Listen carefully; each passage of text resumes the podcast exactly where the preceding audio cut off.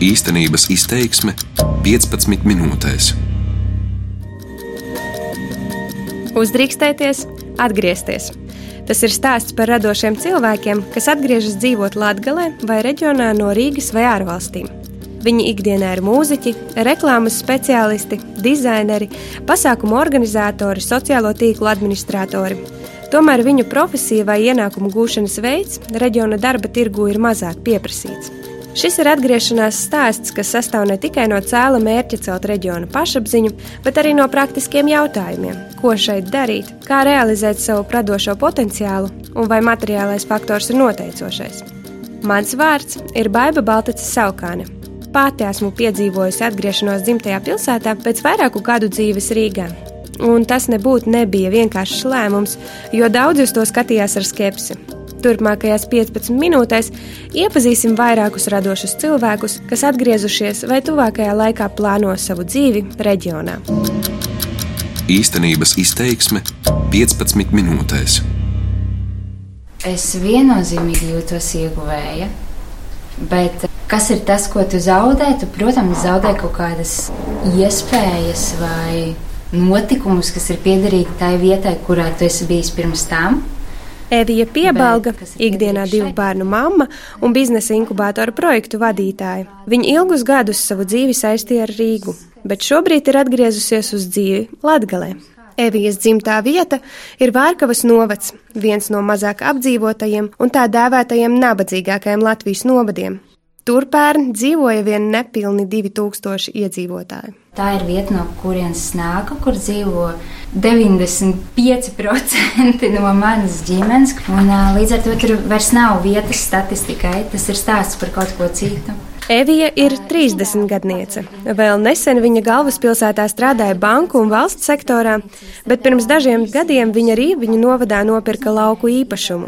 Dzīvot pie vecākiem, viņa gan neatgriezās, bet savu dzīvi iekārtojas Rēzaknē, kur šobrīd sniedz atbalstu jaunajiem uzņēmējiem.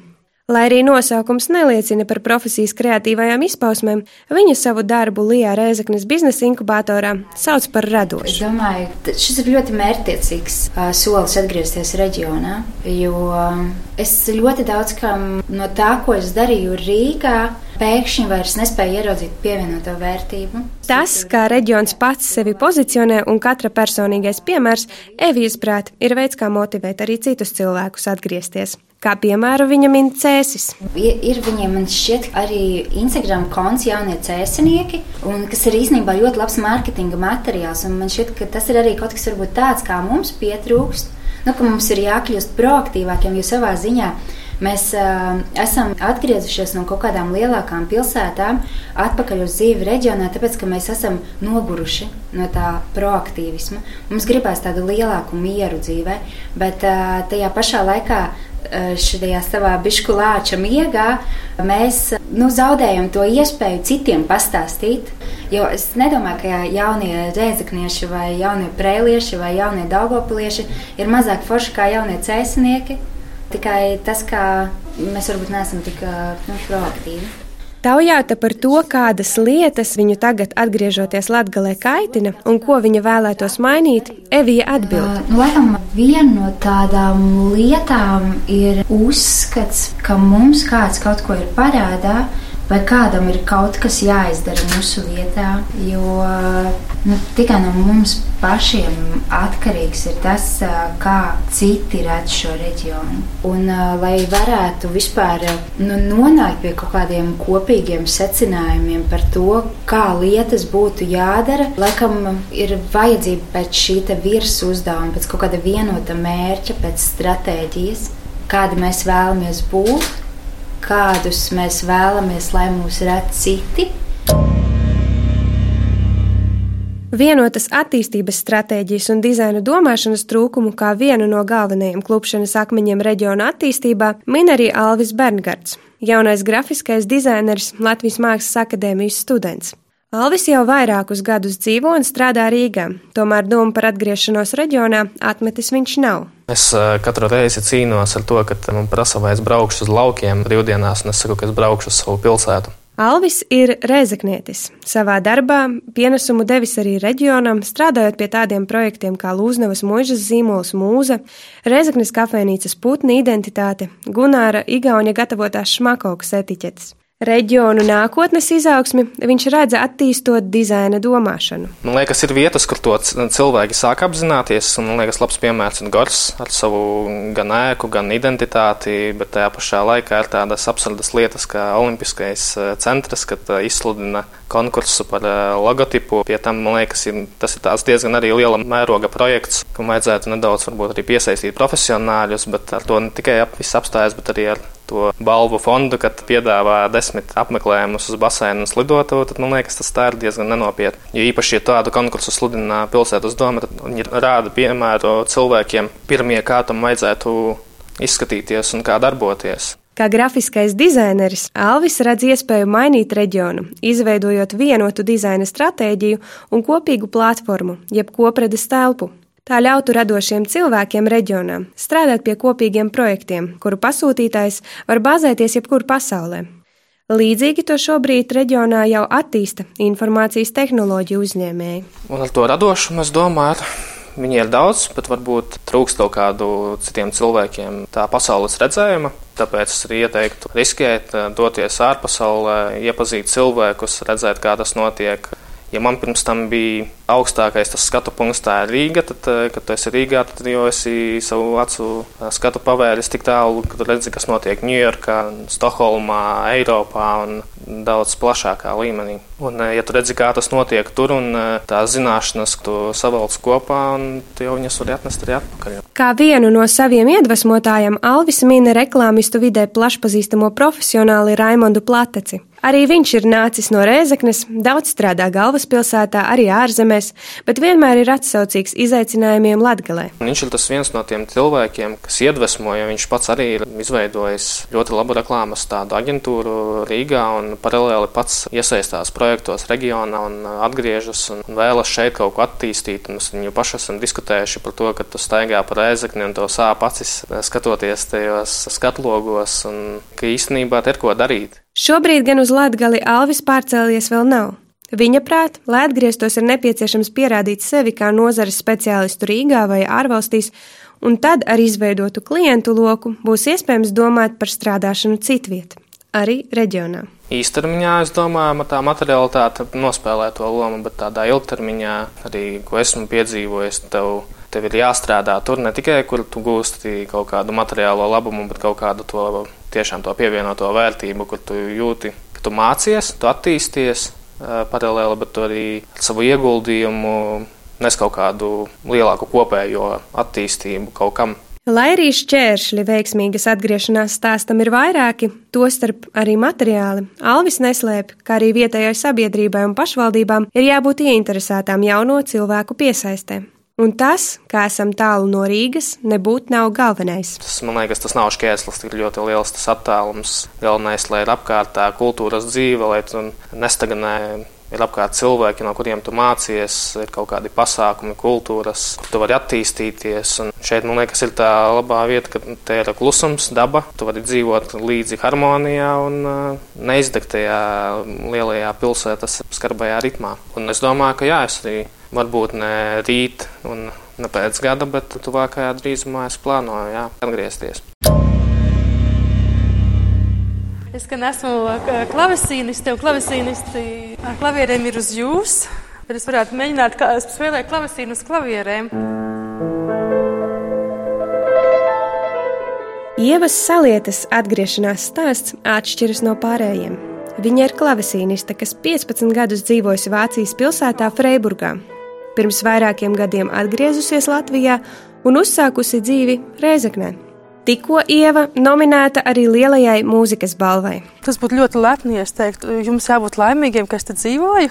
Nē, es esmu laimīga, ka šeit dzīvoju. Un uh, es šeit dzīvoju tāpēc, ka es satiku savu vīru, kurš ir no Latgales un kurš nav pārstādāms. Es esmu ļoti viegli pārstādām, jo mūziķis tas ir profesija, kur dara visur pasaulē. Protams, Eiropā ir visjaukāk dzīvot kā mūziķim, bet uh, Latgales pornieks sakiet, lūdzu, varbūt viņā dzīvot kurzemē, Rīgā vai, vai Parīzē. Es domāju, tas nebūtu nopietni. Un tāpēc, tāpēc es izlēmu atgriezties Latvijā. Dibināt šeit ģimeni.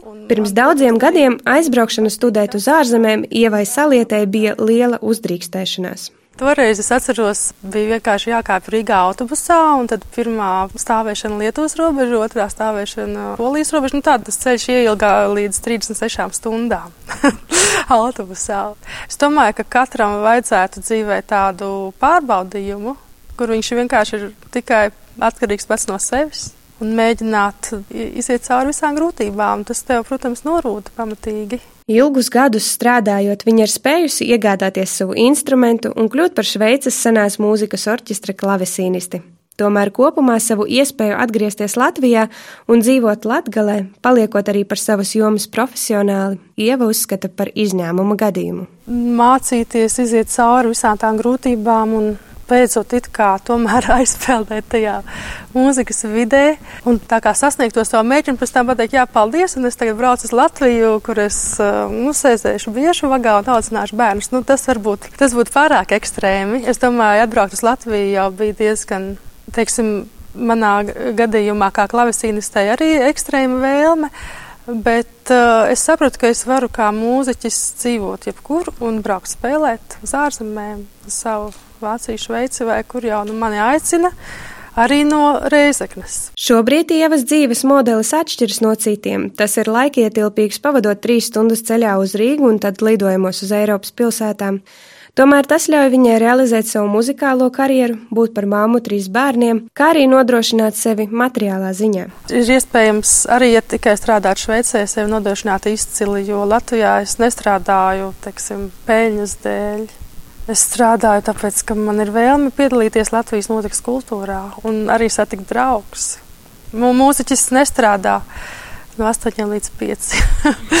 Mums ir, teiksim, ir projekts viena nedēļa, kur es neesmu mājās, bet pārējās trīs es esmu mājās un varu gatavoties saviem nākamajiem projektiem, varu būt kopā ar bērniem, varu arī atpūsties, kas ir ļoti svarīgi. Ieva augsti novērtē to, kas pēdējo gadu laikā ir darīts kultūras attīstībai reģionā.